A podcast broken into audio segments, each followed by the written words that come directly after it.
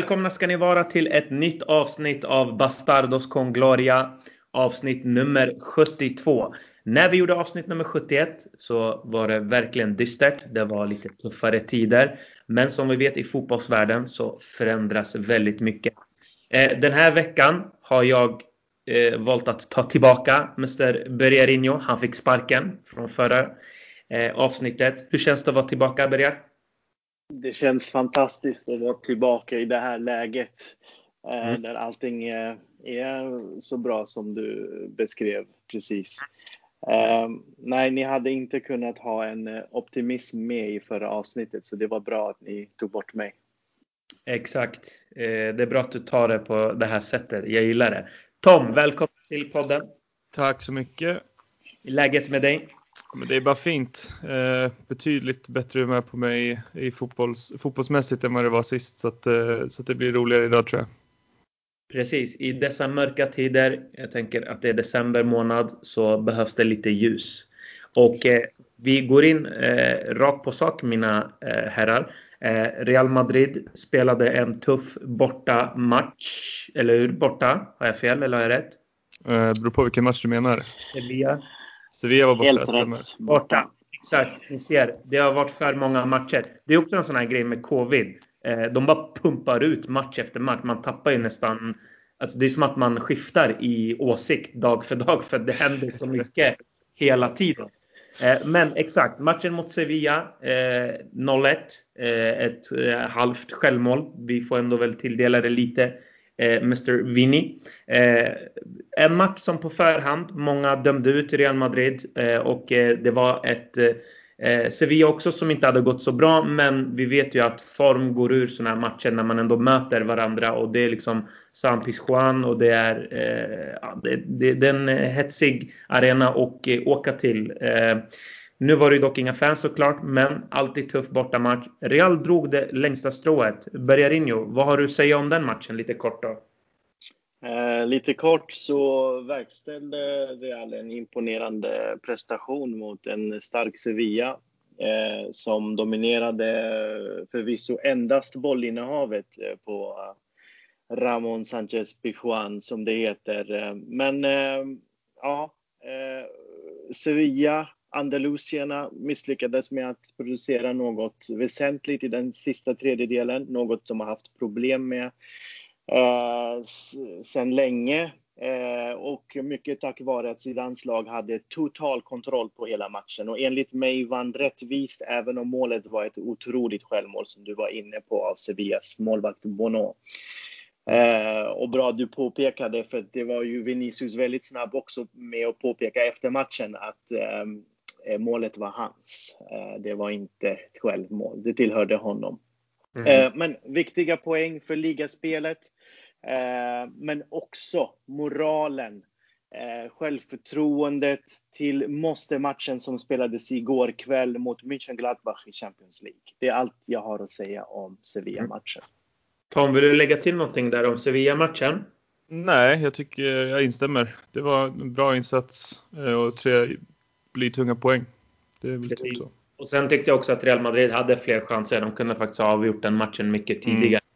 Mm. Eh, enligt mig. Så att eh, det, ja, det var ett blekt Sevilla och eh, som vanligt, eh, eller som vanligt, Lopetegui har ju haft de problemen ganska länge. Det är sista tredjedelen.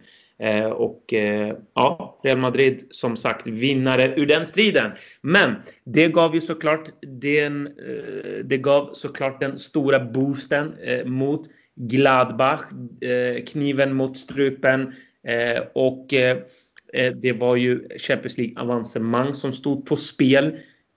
och det slutar ju med att Real Madrid såklart vinner. När man har kniven mot strupen, vi vet, då, då är Real Madrid oftast påslagna.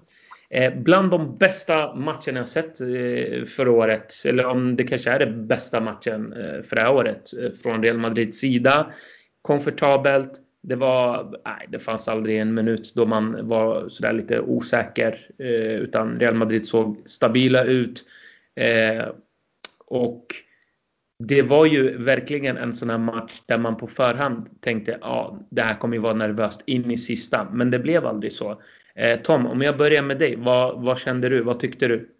Eh, nej men som den pessimist jag är så var jag väl, jag var ju supernervös inför matchen. Eh, hade ett par kompisar som sa nej men ni löser det där, ni kommer lösa det enkelt. Och jag sa vi, ingenting är enkelt just nu för oss. Vi kommer, aldrig, vi kommer inte spela en komfortabel match. Eh, men jag är otroligt glad att jag blev motbevisad. Eh, en riktig håll käften-insats måste jag fan säga. Eh, supernöjd med, med hur vi spelar och att ja, men som du säger, det kändes aldrig riktigt som att eh, man kände sig aldrig riktigt hotad. De hade ju något friläge där de kunde ha kvitterat. Men, eh, men, nej, men det kändes bra och, och, verkligen helt en kanoninsats att ta med sig nu inför, inför helgen också. Absolut. Bergarinho, vad var det som gjorde att Real Madrid eh, vann den här matchen tycker du? Vilka nycklar i matchen? Det var ju måste-match eh, för det första och vi vet ju att när det blåser eh, som mest så står ju eh, Luka Modric, Zinedine Zidane, Ramos, Karim Benzema, det vill säga de gamla rävarna står stadigast i Real Madrid och de var tvungna att prestera igår. Vi ska inte glömma att det var Champions League. Det är alltid lite extra motivation för eh, marängerna när det är Champions League. Eh, och så hade man alltid sina egna händer också kunna avgöra. Eh, och så tro, tycker jag att eh, om vi börjar med vinsten mot Sevilla var oerhört viktig för moralen, för självförtroendet, få bort eh, och lugna ner media eh, en stund. Mm. Och nycklarna igår, det är de gamla rävarna som kliver fram återigen och visar var skåpet ska stå. Eh, det är Luka Modric som gör en fantastisk match. Eh, det är Karim Benzema som kliver fram när, när, när vi väl behöver honom som mest. Eh, sen tycker jag att hela matchplanen som Zidane hade var ju nästintill perfekt. Jag instämmer, det var den bästa matchen också för mig, för min del. Eh, och det som också var fantastiskt att se att, eh, eh, att vi inte slog av takten i andra halvlek fastän vi ledde med 2-0. Det har ju varit en liten tendens för, för Real Madrid tidigare att eh, liksom varva ner lite och tänka på nästa match och då har ju oftast eh, lett till att motståndarna kommit in i matchen. Men nu skapar vi chanser. Vi hade tre bollar in i, i mål i första halvlek. Det var en stolpskott i andra halvlek, ribba, stolpe. Fortsatte med chanser ända till sista minuten. Så att eh, eh fantastiskt eh, och eh, laginsats framför allt, men också eh, att de gamla rävarna bara höjer sig och kliver fram. Det, det är viktigt. Mm. Jag älskar den här bilden du skickade idag till mig, eh, Bererino. För lyssnarna som inte förstår vad jag menar. Berger skickar idag en bild på Messenger till mig. Och det är en bild på de här gamla rävarna, stommen, som är så viktig. Eh, Benzema, eh, Ramos och Modric. Och var det någon till, Berger? Eh, och ja, Lucas Vasquez är med där också. Lucas Vasquez är med. Och det bästa i den här bilden, det är att Benzema står där med sina tofflor. När alla liksom är välklädda, alltså sådär, ja, lite fina och så, då, har, då står Benzema där med tofflor och sånt älskar ju vi, eller hur? Ja, alltså Ramos är klädd som om han ska vara med i Picky Blinders eller något liknande och och Lucas Vasquez och Modric ser ju välklädda ut för en fin middag. Och så står Karim Benzema i mjukisbyxor och eh, Adidas-tofflor. Lite så här att, ja, det, det var inte så, så stort. Vi, vi gick vidare från gruppen. Jag, jag gjorde två mål, jag avgjorde. Ja, det var normalt, inget att ja, fira över. Jag har faktiskt bilden här framför mig. Tom, det är alltså precis som Berger säger, en mm med Peaky Blinders outfiten. Vi har en Lucas Vasquez som har en ganska ja, ledig, eh, hippig stil. Eh, Modric, ja, ganska fint klädd sådär. Det är en, eh, ja, det är väl en, inte en kavaj, eh, men en fin jacka liksom. By, eh, jeansen liksom sådär. Eh, och han har på sig finskorna. Och så Karim Benzema. Realtröjan, Adidas byxor och Adidas tofflor. Ja, jag sitter och tittar på den också. Den är fantastisk. Man uppskattar ju sånt där. Ja, det är ju totalt legendariskt. Och varför jag går in just på den här bilden. Eh, någonstans här så eh, pratar ju Bererinho om stommen. Eh, jag själv delar den uppfattningen att stommen i laget, man märker när Ramos är på plan, då är det någonting helt annat. När Benzema är på plan, någonting helt annat. Och Modric också lika så när Modric är så här bra som han eh, kan vara. Eh, men en person också som jag vill lyfta fram det är ju Lucas Vasquez. Jag tycker att den här killen eh, är eh, Real Madrid. Han är det här hårda arbetet, älskar klubben, egen produkt och han har levererat på den här högerbacksplatsen som Odrizola inte någon gång har gjort. Jag, tror, jag tycker inte ens han har varit någon gång närheten av det Vasquez har gjort under de här eh, matcherna som han har varit högerback. Jag anser att man borde förlänga hans kontrakt. Sen behöver inte vara som en ytter, men som en backup till Carvajal och när Zidane känner att han behöver använda honom. Jag tycker han är en perfekt truppspelare. Det är en spelare som jag vill lyfta fram. Tom, tänker du på någon annan spelare förutom Stommen som visade vägen i den här matchen? Uh, men jag tycker faktiskt att, Eh, alltså, framförallt, framförallt de vi har pratat om, men sen vill jag ändå, jag vill ändå slå ett litet slag för Rodrigo som jag tycker är en bra match. Kanske inte någon, någon fem plus match eller någon, någon perfekt match, men jag tyckte vår högersida såg farlig ut hela vägen och vi utnyttjade den väldigt bra. Eh, Oskar Wendt hade ju tyvärr kanske ur ett svenskt perspektiv, men det var ju bra för oss som Real-supportrar. Han hade det ju tufft som bara den eh, på den sidan och Modric kom ofta ut och kombinerade där ute också. Så att, eh, jag tycker Rodrigo gjorde en riktigt bra match eh, utöver dem och sen ja, men överlag, alltså Kroos är ju också, när, när han bara gör sådär att han vägrar slå en enda passning fel så det, det hjälper ju kan man ju säga. Mm, absolut. Eh, Bererinho, vem tycker du eh, utöver de här stommen, spelarna som eh, imponerade på dig? Eh, alltså generellt så hela laget i princip. Ni har ju lyft dem som eh, sticker ut. Lucas Vasquez som inte har eh, stjärnstatusen eller namnet och ändå är, är där och visar.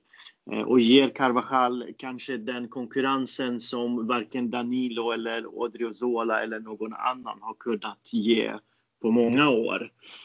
Eh, så det är spännande och Rodrigo lyfter ni också. Eh, jag tycker att eh, förutom dem så var det inga fler som imponerade så Eh, Eh, på mig. Eh, jag hade ju velat ha eh, en minst lika aktiv vänsterkant också. Det hade ju varit ultimatum, men man får nöja sig med, med att den ena kanten funkade igår i alla fall. Absolut. Eh, Bererinho, jag tänkte jag ska vara lite eh, pessimistisk här. Mm. Och det är ju svårt när man har gått vidare eh, liksom från Champions League-grupp. Man toppar den ändå, eh, hamnar grupp etta. Vi såg ju de här potentiella lagen som Real Madrid kan eh, möta. Ni får korrigera här, men det var väl Atalanta, Lazio, Porto och en sista. Kommer inte Le Leipzig. Leipzig. Precis, och med all respekt för de här lagen så är det ju lag som Real Madrid absolut kan slå.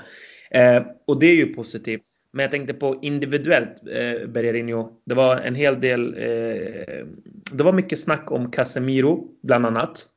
Eh, eh, några som ifrågasatte hans bolltapp. Eh, tappade bollen några gånger. Positionsspelet ibland när Gladbach eh, hittade där luckor. Eh, en gång blev det så farligt som eh, Tom sa där och det blev friläge. Eh, en annan spelare jag tänker på det är ju Varan. Eh, jag är väldigt orolig när jag ser hur hans passningsfot, hur han liksom drar med sig eller drar, bjuder in till press. Motståndarlagen vet lite, när Ramos har bollen, eh, då är det farligt att gå upp för han vet vad han ska göra. Men när Varan har bollen, då pressar vi lite och Varan gillar också att backa lite och passa tillbaka till Courtois istället för att flytta fram bollen. Men Bergerino, vad, vad, vad tycker du just om Casemiro Eh, diskussionen. Eh, är den aktuell för dig eller är det så att han är given i den här startelvan som Zidane har valt? Eh, för mig är han, det, det är ingen diskussion att han är given. Jag tycker att han kompletterar Luka Modric och Toni Kroos så fantastiskt. Ni har ju varit inne på bägge två. Igår fick Modric vara sig själv, liksom spela efter hela sitt register. Även Toni Kroos gör det. Och där är Casemiro i det osynliga och städar upp och gör det han ska göra som man inte ser lika mycket som de två övriga eh, liksom generalerna på mittfältet. Eh, sen förstår jag ju eh, en, en anledning är ju att laget har varit sårbart vid omställningar. Eh, och eh, han slarvade lite med liksom bolltouchen igår och gärna ville slå den på en touch. Eh, vilket gjorde att det skapades lite målchanser för Gladbach. Och så nervösa som vi alla har varit och eh, liksom de förväntningarna vi hade på matchen och så vidare. Så vet jag att många liksom vid halvlek också eh, lyfte på ögonbrynen och, och lyfte liksom ämnet Casimiro eh, väldigt mycket eh, eh, ute på sociala medier. Eh, men eh, jag iakttog honom lite extra i andra halvlek och jag tror inte jag såg en enda passning som gick fel i andra. Så det är ingen diskussion om att Casemiro ska ja. Eh, vara där. I en sån stor match som det var igår mot ett sånt fysiskt lag som vi mötte. Sen kan jag ju också tänka att eh, ja, när vi väl möter ett svagare motstånd och så vidare så kanske vi kan vrida på den här triangeln som Zidane skapar på mittfältet med Casemiro, Kroos och Modric eh, till en mer offensiv triangel där den defensiva rollen som Casemiro har gärna går till en offensiv spelare som till exempel en Ödegaard som har varit där och, och, och spelat eh, i ett par matcher. Varför jag tar upp just Casemiro-ämnet också, det som är intressant är ju också att innan Valverde blev skadad så var han ju eh, lagets bästa spelare, i alla fall en av dem, eh, garanterat. Eh, Bererinho hur får vi in tillbaka eh, Fede Valverde nu när Modric är så bra, Kroos är stabil som han alltid är och om Casemiro ska städa framför backlinjen. Känner du, vart känner du att Valverde kommer in i bilden då? Det är ju det som är så fantastiskt, eh, att, att man är i det här läget eh, där man befinner sig där en spelare som födde Valverde måste verkligen kämpa sig in tillbaka i startelvan. Det blir svårt att få in honom, men jag tror att Zidane ändå kan eh, kombinera med lite rotationer och så vidare. Uh, han vill nog inte röra på Luka Modric mer. Uh, han fick ju vila och agera inhoppare väldigt mycket inledningsvis den här säsongen. Men med Valverdes skada har ju också Modric fått kontinuerligt med speltid och han själv var inne på det för ett par månader sedan att han kommer att hitta tillbaks formen när han väl får spela kontinuerligt som han har gjort. Eh, så att eh, det är ju den positionen eh, som Valverde har hotat mest. Det är ju Luka Modric plats och inte Casemiro och Kroos. Men eh, fantastiskt läge vi befinner oss i för en gångs skull. Det var länge sedan vi var, vi var där, där vi hade tre, fyra spelare som verkligen kunde gå in i startelvan. Så nu får ju också Valverde, han blir inte påskyndad på samma sätt som till exempel Eden Hazard tillbaks i elvan. Eh, för att vi har redan ett välfungerande mittfält så att han kan i lugn och ro komma tillbaka, få lite minuter här och där.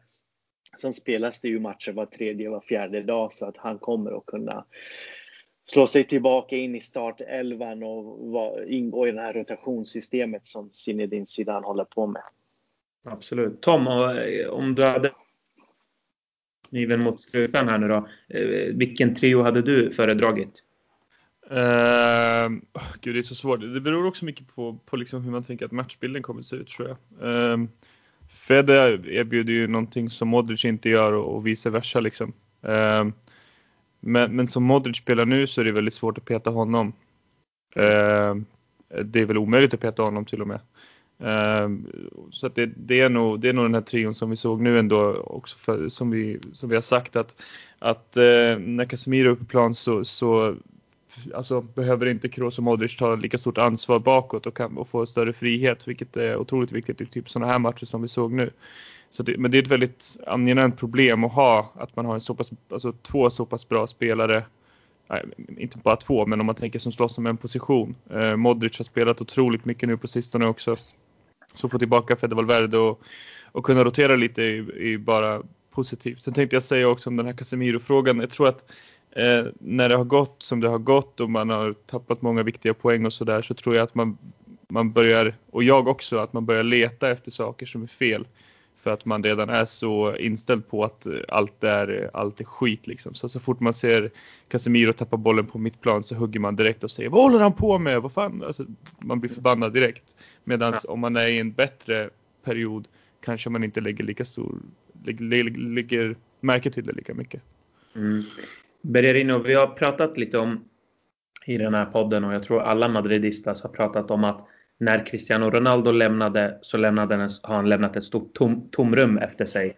Eh, men vi har haft en Benzema som har kompenserat lite. Vi har haft ibland Vinicius, ibland Rodrigo, ibland någon annan. Och det har inte varit såklart tillräckligt bra. Men känner du att när Ramos drar, vad händer med Real Madrid då? Har du lite de funderingarna med tanke på att Benzema efter matchen säger Ramos är världens bästa försvarare. Vi är ett helt annat lag med honom. Eh, är det någonting som oroar dig med tanke på att Ramos närmar sig slutet? Ja, det är klart det gör det. Eh, det, gör ju, det är alltid den känslan när en som så pass stor eh, han är ju inte spelare längre, han är ju liksom mer än så. Han är en ikon, han är en ledare, han är, eh, eh han är Real Madrids DNA och representerar det. Så att det är klart det är en oerhört eh, liksom stor eh, avbräck den dagen han lämnar och det blir eh, nästintill omöjligt att kunna ersätta Sergio Ramos som mm. den spelaren och den profilen han är och det kommer förmodligen ta många, många år tills man hittar en, en sådan spelare och eh, eh, Eh, här och nu om jag tänker eh, på hans del så går jag dagligen och tittar i sociala medier och framförallt på Real Madrids eh, hemsida och väntar på att han ska få den här livstidskontrakten eller eh, vad än han nu än kräver. För ju, ju längre tid han är kvar desto lugnare kan man känna sig.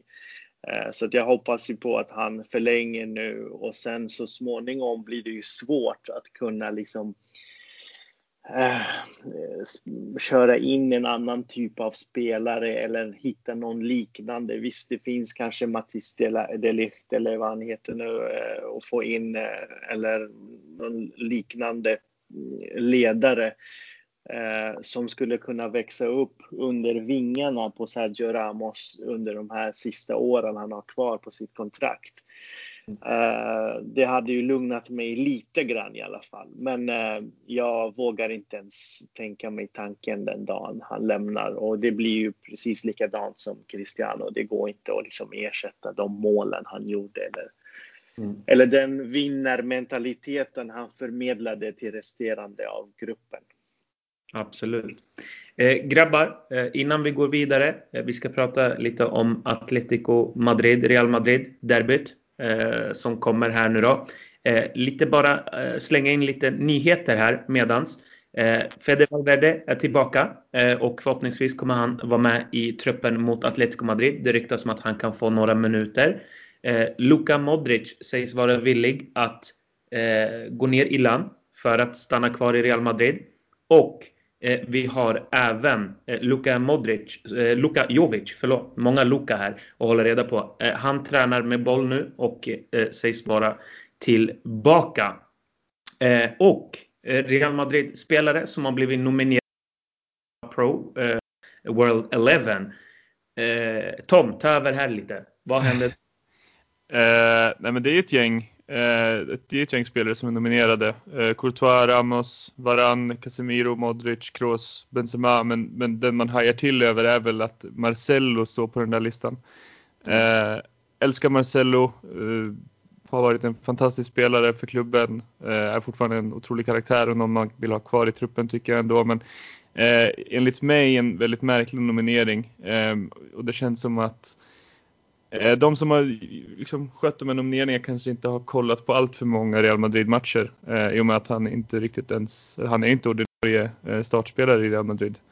Så det, det, påminner mig lite om de här åren när Dani Alves blev invald i, i, i den här världselvan år efter år oavsett vad han gjorde. Eh, men, men kul för Marcelo såklart, även om han förmodligen inte kanske hamnar i laget. Men, men kul med en nominering och kul att det är många Real-spelare.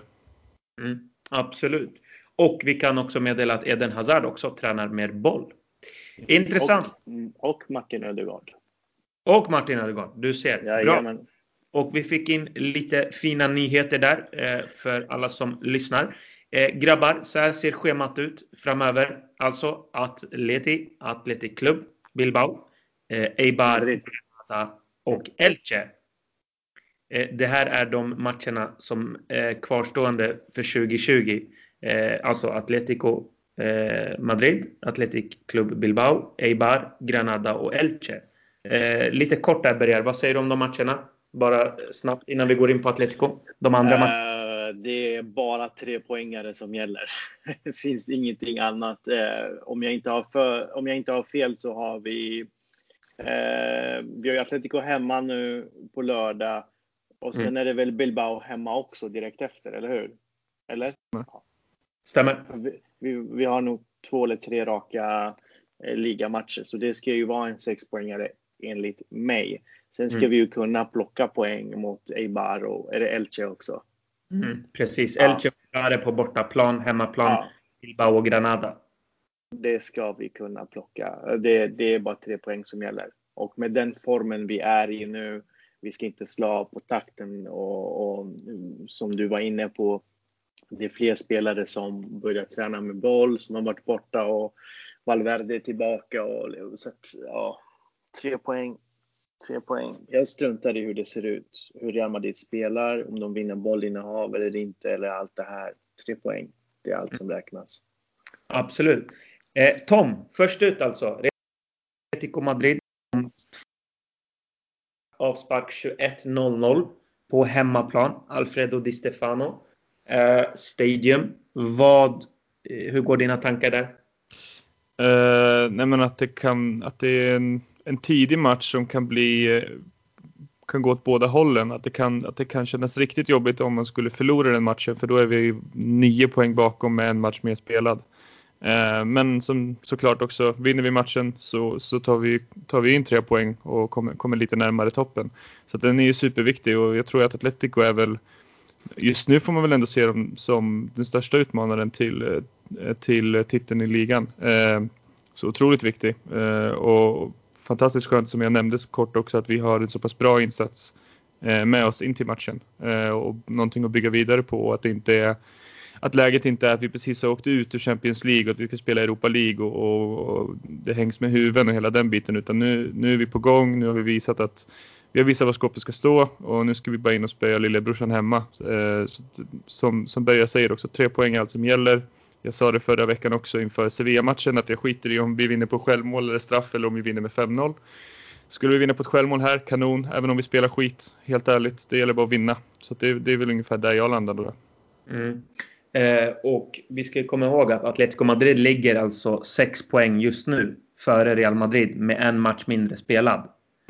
Mm. Eh, så förlorar Real Madrid den här eh, så är det 9 poäng. Eh, och det får ju absolut inte hända. Så det är ju ett väldigt viktigt derby. Vi har ju avverkat två väldigt viktiga matcher. Sevilla-matchen var viktig för lagmoralen. Gladbach för existensen av alla tänkte jag säga. Men eh, för det mesta och den vann man. Och nu kommer Atletico Madrid och det är viktigt för ligaspelet. Så det är som du säger, jag tror också vinner Atletico Madrid den här matchen, då tror jag på dem som starka ligasegrare. Det är väldigt tidigt att säga så, men jag tror att vinner man över Real Madrid, då kommer man få en enorm eh, boost. Eh, Bergarinho, eh, lite om Atletico Madrid. Det har ju gått eh, lite som tåget för dem. Eh, de eh, radar upp eh, segrar och eh, Eh, tar blytunga segrar mot Barcelona, Valencia bland annat. Eh, man gör det med 1-0. Eh, jag har tittat lite på Hermoso och Trippier eh, som är den här 3-5-2 under Simeone är väldigt farliga och där tror jag Real Madrid måste verkligen vara på sin vakt. Vad, vad känner du kring just Atletico Madrid inför den här matchen? Och Atletico Madrid är alltid Atletico Madrid. De är ja. alltid kompakta, alltid svåra att göra mål på. Mm. Eh, de släpper sällan in mål nu för tiden. Eh, så att eh, väldigt, väldigt starka. Marcos Llorente. Släktet? Ja, jag börjar tänka på om det var om jag sa fel, men det är Marcos Llorente. Marcos. uh, ja, men vi har ju haft en Diego också tidigare, tror jag. Uh, men Ja, eh, Marcos Llorente, vilken fantastisk fotbollsspelare. Eh, han har utvecklats till, ja. bytt roll och blivit en mer offensiv spelare. Eh, så han sticker ju ut. De har ju fått Joao Felix tillbaka också. De toppar allt det här med Luis Suarez också. Så att eh, eh, de har en komplett lag och jag ser dem som de absoluta titelutmanarna i, år, i årets La Liga. Eh, ni var inne på det, en förlust. Eh, jag ser inget lag som skulle kunna eh, liksom ta igen de 8-9 poängen som de skulle då eh, leda med.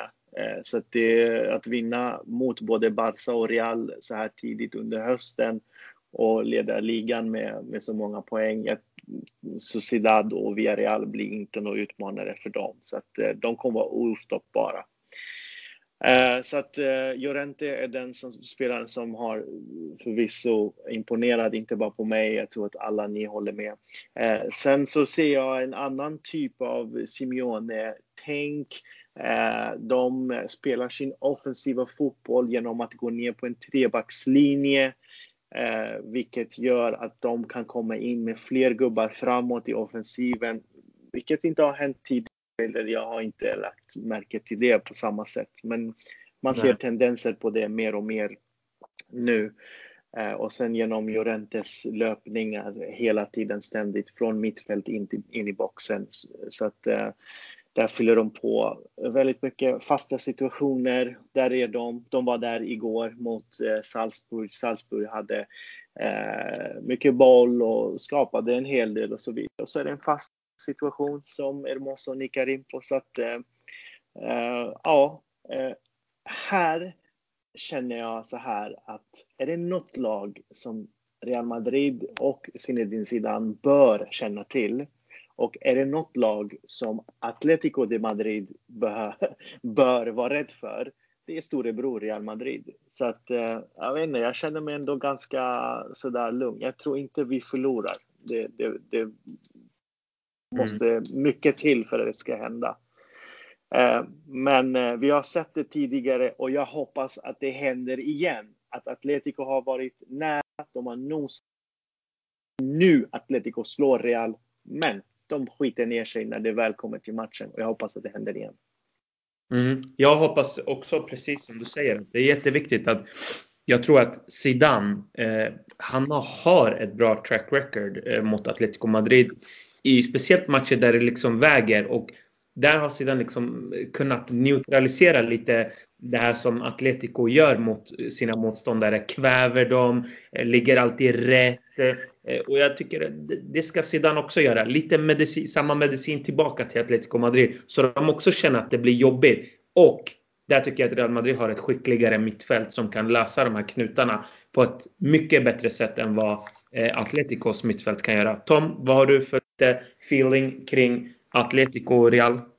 Eh, det som skrämmer mig mest är just det här med att de har alltså släppt in två mål på hela, på hela ligasäsongen hittills. Um, och, och, som vi alla vet så är väl vårt största problem att faktiskt få in bollen.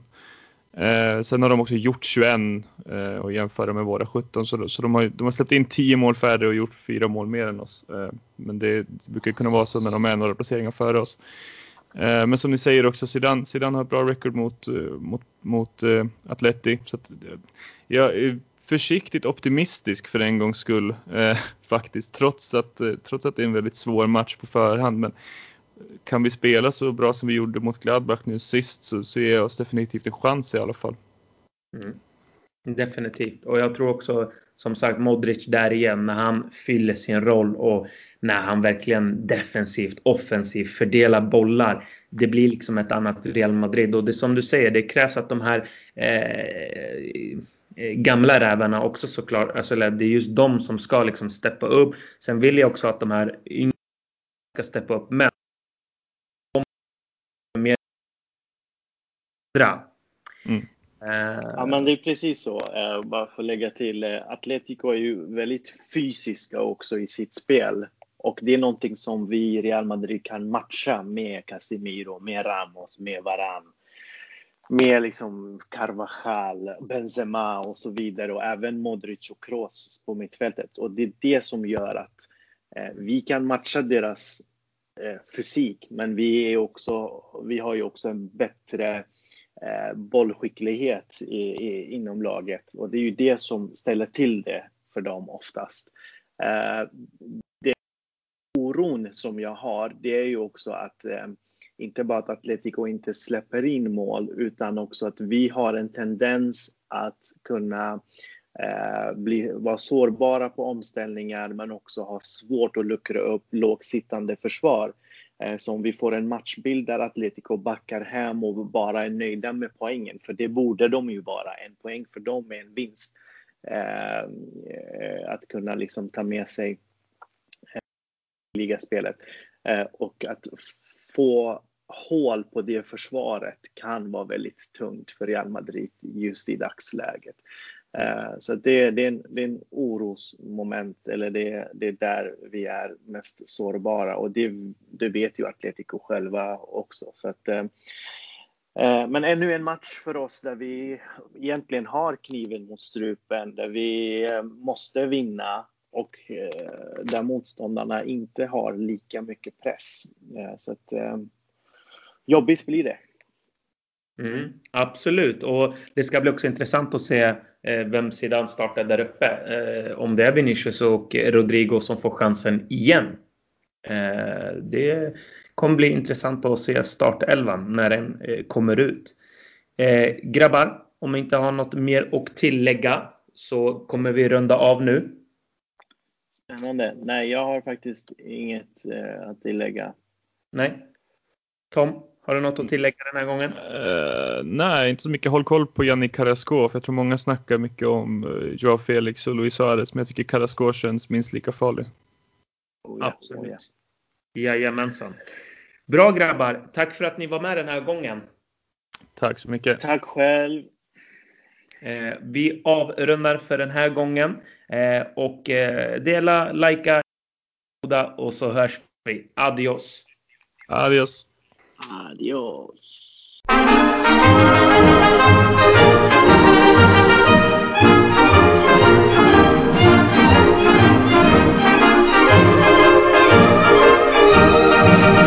De las glorias deportivas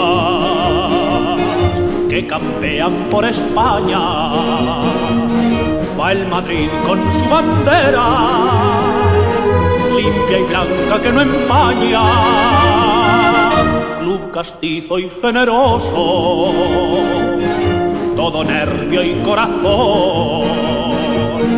Veteranos y noveles, veteranos y noveles miran siempre sus laureles con respeto y emoción.